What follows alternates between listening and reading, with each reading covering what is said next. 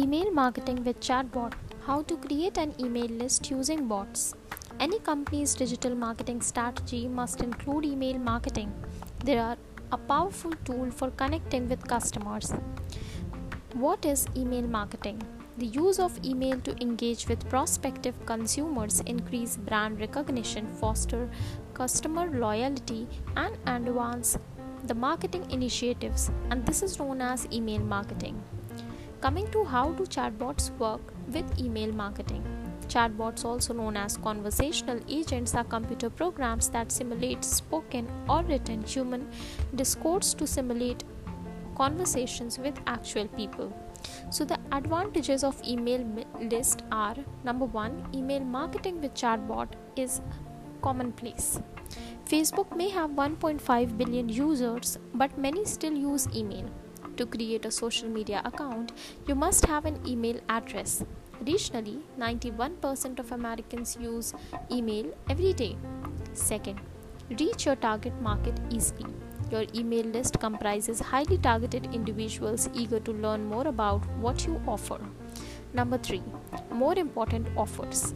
Be cautious not to bombard your audience with offers. Even the most receptive list may get weary of hearing nothing but sales pitches. Number 4. Boost conversion rates.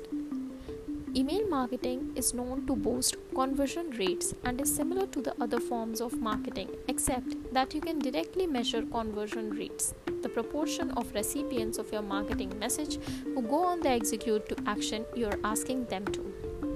Number 5. Be aware of your audience size. Your email list resembles a captive audience that is constantly available to you.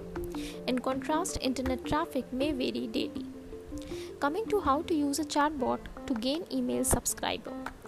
Step number 1 is create a chatbot and dialogue for it. The next step is link your chatbot with your email advertising platform. The third step would be evaluating your chatbot and then we come to the conclusion.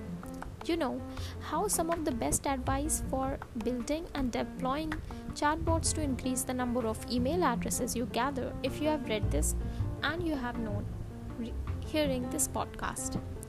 If you have done everything properly and set up your bot correctly, you should prosper as long as you keep loyal to your brand and clients. Don't forget to use creativity while interacting with clients via your bot.